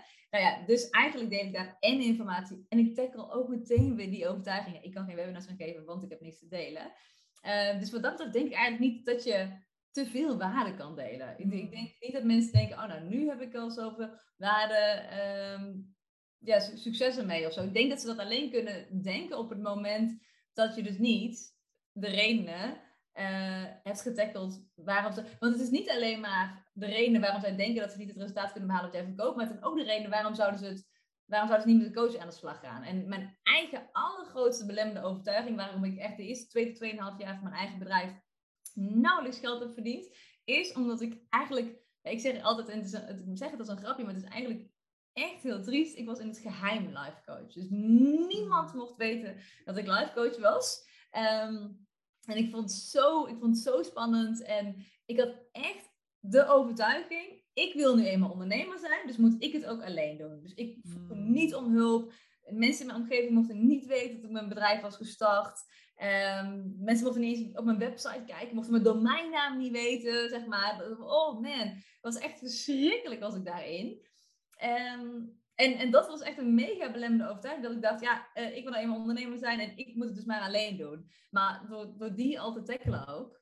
Ja, sorry, ik kan echt helemaal, ik blijf... Ja, ik vind het heerlijk. Ik, vind het heerlijk. ik denk dat we, uh, dat we allemaal ons ook heel erg herkennen in jouw voorbeelden. Dus het is alleen maar heel erg fijn. En ja, ik vind dat je een mooi antwoord hebt gegeven. Want wat ik eruit haal is, wees sowieso niet bang om te veel waarde te geven. En zolang je maar elke keer wel terug blijft gaan naar, hey, wat zijn nou uh, belemmeringen of, of, overtuigingen die mensen hebben, waardoor ze denken dat ze dat resultaat dat jij waar jij ze bij kan helpen, niet kunnen halen. Zolang je daaraan blijft ophangen en dus natuurlijk een, een mooi aanbod doet aan het eind, ja, wees maar niet bang dat je dan te veel waarde geeft. Hè? En ik denk dat er misschien een verschil is met dat je gewoon droog een inhoudelijke masterclass geeft, waarin je inderdaad gewoon helemaal de inhoud ingaat op dit is wat je moet doen en dit is ook hoe je het moet doen. Uh, zonder na te denken over van ja, maar hé, hey, wat, wat staat mensen eigenlijk in de weg? En, uh, en ook als je dan geen aanbod doet, dan wordt het ook moeilijk voor mensen om dan te denken, ik wil verder. dus die, die, uh, die nemen we denk ik ook mee. Super, dank voor dit, uh, deze waarde over het webinar. Ik wil heel graag nog even de liefde induiken. Ik weet dat we al een tijdje aan het praten zijn. Heb jij nog even om ja. daar... Ja? Want ik zag ergens dat um, in jouw e-book zag ik dat de grootste manifestatie die jij in je leven gedaan hebt, is jouw partner. Nou, ik ben helemaal klaar voor romantische verhalen, uh, voor hoop in de liefde. Dus veel, ik wil het verhaal heel graag van je horen. Hoe is dat gegaan? Ja, ik ben uh, 23 november hebben Imer en ik uh, negen jaar verkering. Dus we hebben nu ongeveer 8,5 jaar verkering. En ik ben eigenlijk altijd vrijgezel geweest. Uh, ik heb uh, twee keer een jaar een beetje een relatie gehad. En dat doe ik een beetje zo, omdat we wel verkering hadden, maar die ander nam het niet heel erg serieus. Uh, dus als ik daar even heel zwart-wit, hopelijk stap ik dan niet op iemands tenen een label aan mag geven, dan was mijn eerste relatie was een criminele Marokkaan. En mijn tweede relatie was een Nederlandse vreemdgader. Dus dat waren mijn twee uh, categorieën. Dan heb je daar een beetje een beeld bij. Uh, en ik hoop niet dat ik hier iemand mee beledig. Dat is niet mijn intentie. Um, en uh, ja, hun hadden daar allebei het was verkering. Voor mij betekent dat heel veel, voor hun iets minder. Um, en dat was toen ik 19 was en dan één jaartje en dan 21 en één jaartje of zo. En dat was het. En ik ben nu 35 en ik heb nu 8,5 jaar relatie. Dus je kan even uitrekenen dat ik jaren en jaren vrijgesteld ben geweest. Um, ik heb sowieso elf jaar in horeca gewerkt, dus ik heb wel gewoon een, een, een scharrel leven gehad. Uh, en op een gegeven moment wilde ik heel graag gewoon een leuke relatie. Dat wilde ik gewoon echt heel graag. En um, nou ja, dan kan je dat wel willen, maar dan moet dat ook nog natuurlijk gebeuren. Uh, ik wilde het zo graag dat ik... Uh, ik heb ook een betaald account op Lexa.nl gehad. En ik heb een betaald account op Relatieplanet.nl gehad. Ik heb ook op Tinder gezeten. Moeten wel even... Er waren nog niet zo heel veel opties in mijn tijd. dus dus dat, dat was het, zeg maar.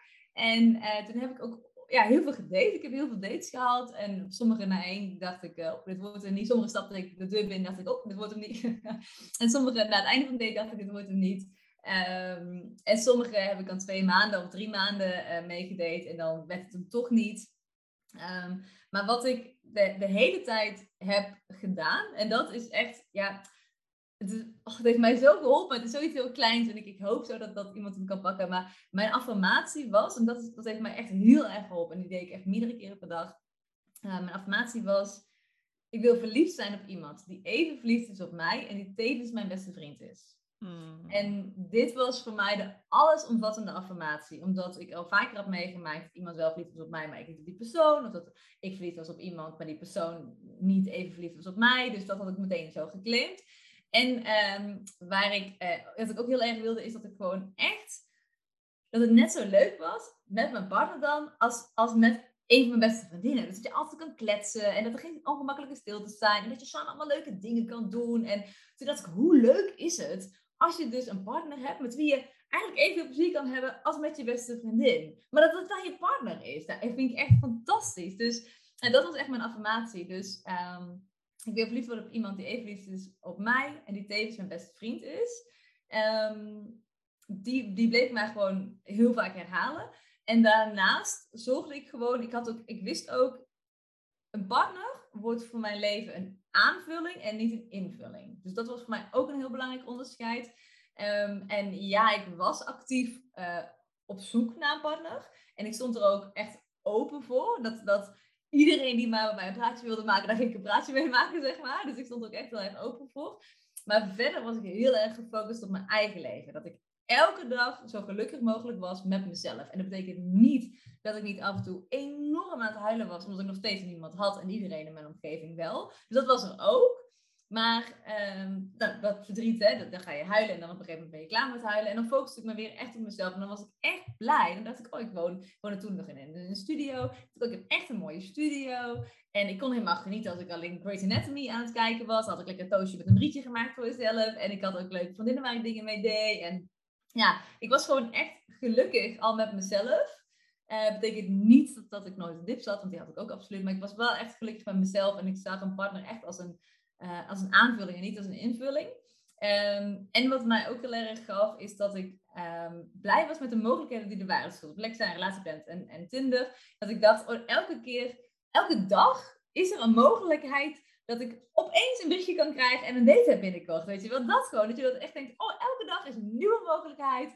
En, en dat. En uiteindelijk um, heb ik, ik had ook overigens helemaal wel bedacht, niet, niet zo van dit moet er per se zijn, maar wel hoe ik graag een relatie zou willen. Want ik had geen idee. Ik had pas twee keer een jaar een beetje een relatie gehad. Wat ik, en ik heb totaal geen uh, gezonde uh, opvoeding gehad. En ik zeg dat nu met de lach op gezeten, omdat het gewoon heel gemakkelijk wordt. Maar ik heb echt geen gezonde opvoeding gehad. En ik heb heel veel um, foute hechtingspatronen en zo. Dus ik had daar ook nog heel veel werk in te doen. Maar ik wist dus wel van, hey, wat zijn nou dingen die ik bijvoorbeeld belangrijk vind? En een van de dingen uh, is dat ik het dus echt heel erg leuk vind om gewoon dagelijks WhatsApp-contact te hebben. Ja, dat is iets heel kleins. Maar ja, oh ja, er helemaal mee. Ik wijs op mezelf hier. Om, ja, dit heb ik ook. Ik, heb gewoon, ik ben high maintenance. Nee, dat is geen goed woord. Maar ik wil veel contact hebben. Veel verbinding, veel kletsen. Veel, ja, vind ik ja, belangrijk. Ik vind het echt helemaal leuk. Dus ook mijn vriend is vanochtend om uh, tien voor half zeven opgestaan. En die stuurt dan uh, drie kwartier later dat hij is aangekomen zijn Weet je wel, zo, ja, vind ik gewoon gezellig. We zijn toch vrienden? Weet je wel, zo. Dat vind, ja, vind ik gewoon gezellig. Maar dus dat wist ik ook van tevoren. Dat ik dacht, oh, dat is iets wat ik belangrijk vind. Uh, dus weet je wel zo. Dus ik wist ook ondertussen al een beetje van, nou, dit vind ik belangrijk. En, um, en ik vind het ook belangrijk dat je leuk kan kletsen. En dat je kan lachen samen. En dat je leuke dingen kan doen samen. Uh, dus dat. Um, en op een gegeven moment was ik op een, feestje van een vriendin van mij. En zij was net uit met, met haar vriendin en woonde even tijdelijk bij haar uh, broer. En toen uh, was ze jarig, dus toen gaf ze een feestje. En toen had die broer had, uh, één vriend uitgenodigd. En uh, toen had hij tegen hem gezegd, wij maken daar nog steeds grapjes over namelijk. Dat hij gezegd um, van ja, kom anders hierheen. Um, want hier zijn heel veel leuke hockeymeisjes. Ik ben echt het tegenovergestelde van een leuk hockeymeisje. Waarom ben jij het tegenovergestelde van een leuk hockeymeisje? Waarom is dat? Ik ben sowieso, ik vind groepssporten echt verschrikkelijk, zeg maar. Dus, uh, dus ik was ook altijd als laatste gekozen bij gym en zo. Dus ik, ik ook. echt niet een, een, een hockeymeisje.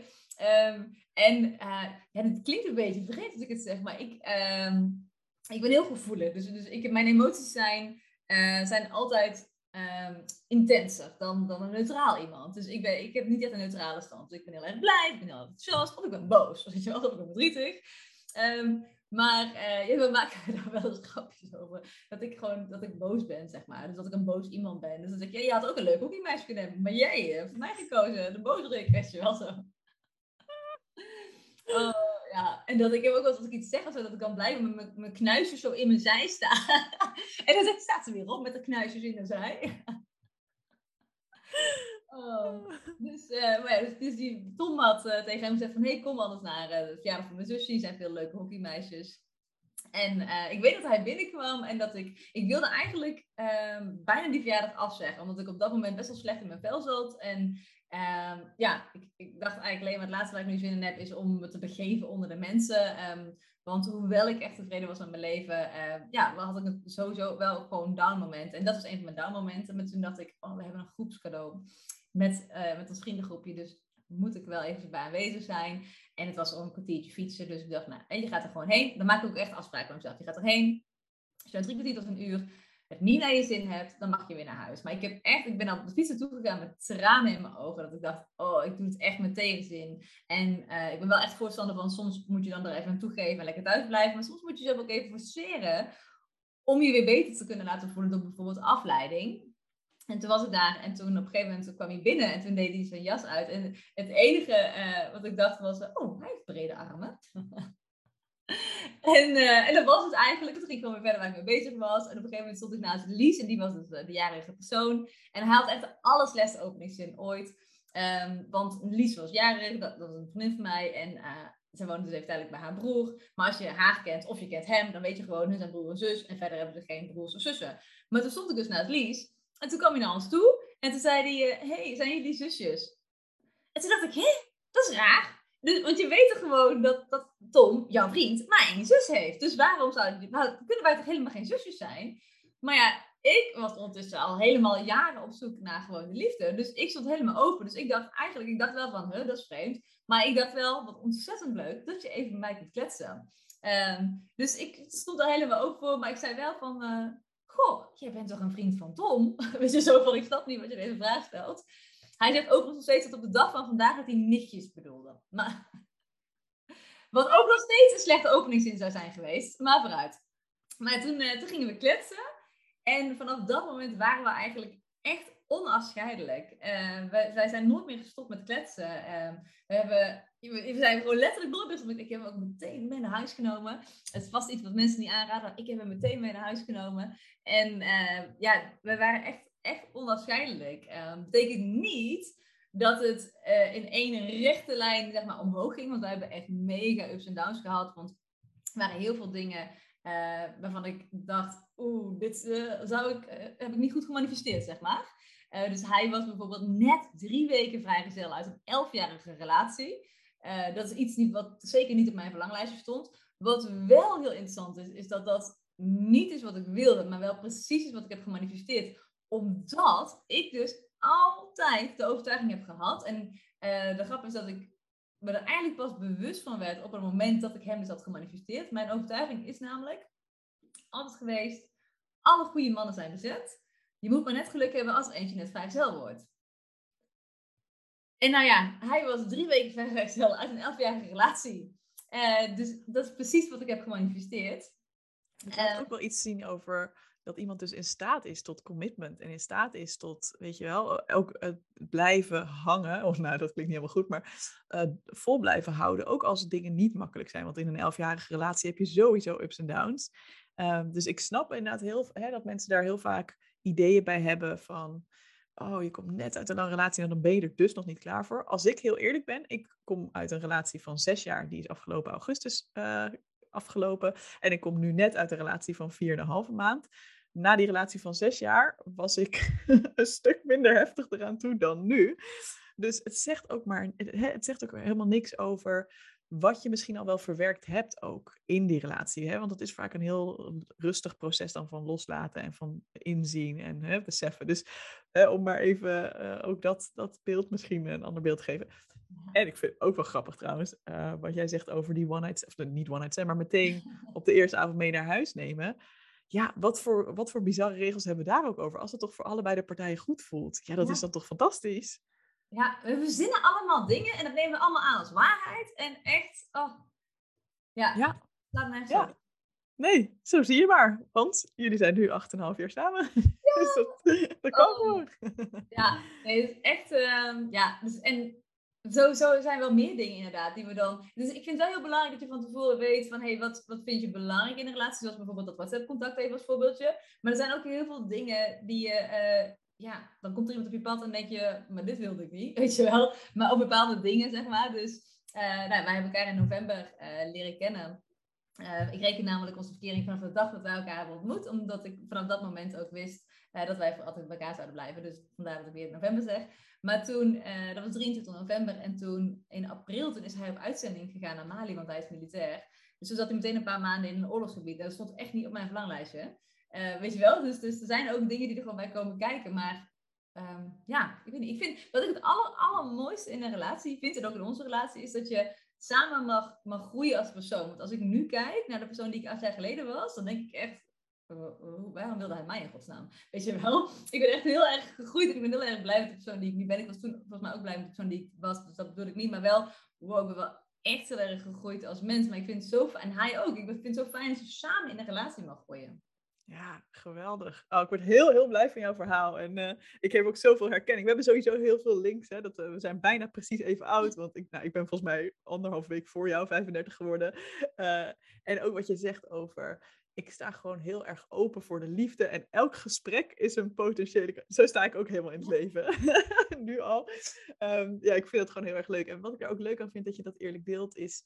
Um, ik denk dat veel mensen namelijk ook het idee van ja, er zijn van, ook weer van die overtuigingen van je moet er niet naar op zoek gaan. Het komt vanzelf op je pad. En dan zouden mensen ook jouw verhaal kunnen horen en denken van, oh ja, zie je wel, al die online dates uh, had je helemaal niet hoeven doen, want hij komt vanzelf op een verjaardag. Nee, ik vind het juist zo, zo mooi dat je daar ook eerlijk over bent. Van ja, ja, ik was best wel heel gelukkig met mijn leven. Dat betekent niet dat ik nooit een keer verdrietig was of behaalde dat, er, hè, dat ik niet die partner had. Um, maar ja, ik was wel op zoek naar de liefde. Ik stond open voor de liefde. Ja, geweldig. dus, ja. Het gaf me ook heel veel hoop, want ik dacht elke dag is een nieuwe kans. Ik vergroot ja. kansen, ja, ik. Zo, ja, zo sta ik er ook echt in. En ik, ik, kijk nu al uit naar alle mislukte dates die ik ga hebben. En uh, alle momenten dat ik denk, ja, dit is hem ook niet. En uh, die, die vast pijnlijk gaan worden. Maar dat ik denk, ja, dat brengt je toch elke keer weer een stapje dichterbij. De volgende fantastische persoon die er in mijn leven gaat komen. Dus Dankjewel voor dit mooie, hoopvolle verhaal, Phil. Echt heel leuk dat je dit wilde delen. Ja, hey, sowieso. Wij moeten echt ophouden met praten. Ik weet dat het lastig is, maar ik vind, ik vind je ook veel te leuk. Ik wil gewoon nog uren doorgaan. Maar ik denk echt dat we, dat we meer dan genoeg waarde hebben gegeven. Nou ja, dat jij meer dan genoeg waarde hebt gegeven voor dit moment. Misschien moet je gewoon nog een keer terugkomen in de podcast. Ehm, stel dat mensen nu helemaal enthousiast zijn geworden over jou. Waar kunnen ze dan meer over jouw werk en over jou te weten komen? Nou, sinds deze week kan het dus op www.veelvanzon.nl. Daar ben ik echt heel erg trots op. Yeah. Uh, en uh, ze kunnen me ook eventueel volgen op Instagram. Nou, dat is veel.van.zon. Uh, en ik heb ook een podcast, mochten mensen dat leuk vinden. Dat is de Veel van Zon podcast. Dus ik maak het iedereen echt heel erg makkelijk. I love it. Super bedankt, Phil, voor dit mooie gesprek en je openheid. Oh, en jij ook super bedankt. Want je zei net van dat, dat ik veel waarde heb gedeeld. Maar ik vond alles wat jij deelde ook echt oprecht heel erg waardevol. En ik vond het echt een heel erg leuk gesprek. En uh, nou ja, wij gaan elkaar sowieso nog spreken. Want we hebben echt bizarre veel overeenkomsten. En ik vond het echt, echt heel erg leuk. Super, dankjewel.